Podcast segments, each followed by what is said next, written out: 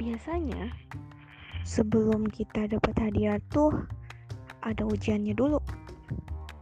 Ujiannya macam-macam. Kadang ringan, kadang berat. Tapi jangan salah. Pada hakikatnya, ujian dari Allah tuh mencerminkan kasih sayang kepada hambanya. Tahu nggak ceritanya Nabi Ayub yang diberi ujian oleh Allah selama bertahun-tahun? Dalam sebuah hadis dari Anas bin Malik, Rasulullah Shallallahu Alaihi Wasallam pernah bersabda, sesungguhnya Nabi Ayub berada dalam ujiannya selama 18 tahun. Allah memberi ujian kepada Nabi Ayub dengan diangkatnya semua kekayaan yang dimiliki Nabi Ayub dan dilenyapkan segala kenikmatan yang pernah ia nikmati. Dan Allah menurunkan satu penyakit selama bertahun-tahun hingga Nabi Ayub menjadi tak berdaya yang akhirnya membuat orang-orang terdekatnya menjauhi Nabi Ayub. Walaupun diberi ujian seberat ini, namun Nabi Ayub tetap bersabar dan menjaga keimanannya. Keren gak sih? Seperti yang Allah bilang dalam surah Sad ayat 44. Sesungguhnya kami dapati dia, Nabi Ayub, seorang yang sabar. Dialah sebaik-baiknya hamba. Sesungguhnya dia amat taat kepada Tuhannya.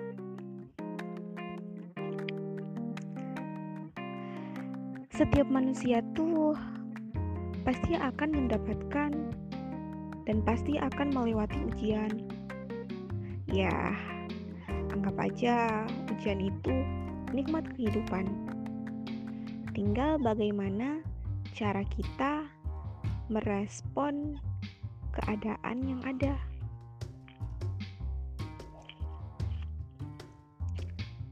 Untuk orang-orang yang sering diuji, Allah tuh bangga punya kita. Makanya kita diuji terus. Kita kudu bersyukur karena masih diperhatiin sama Allah. Makanya diberi ujian, bukan malah ngeluh kalau ada ujian.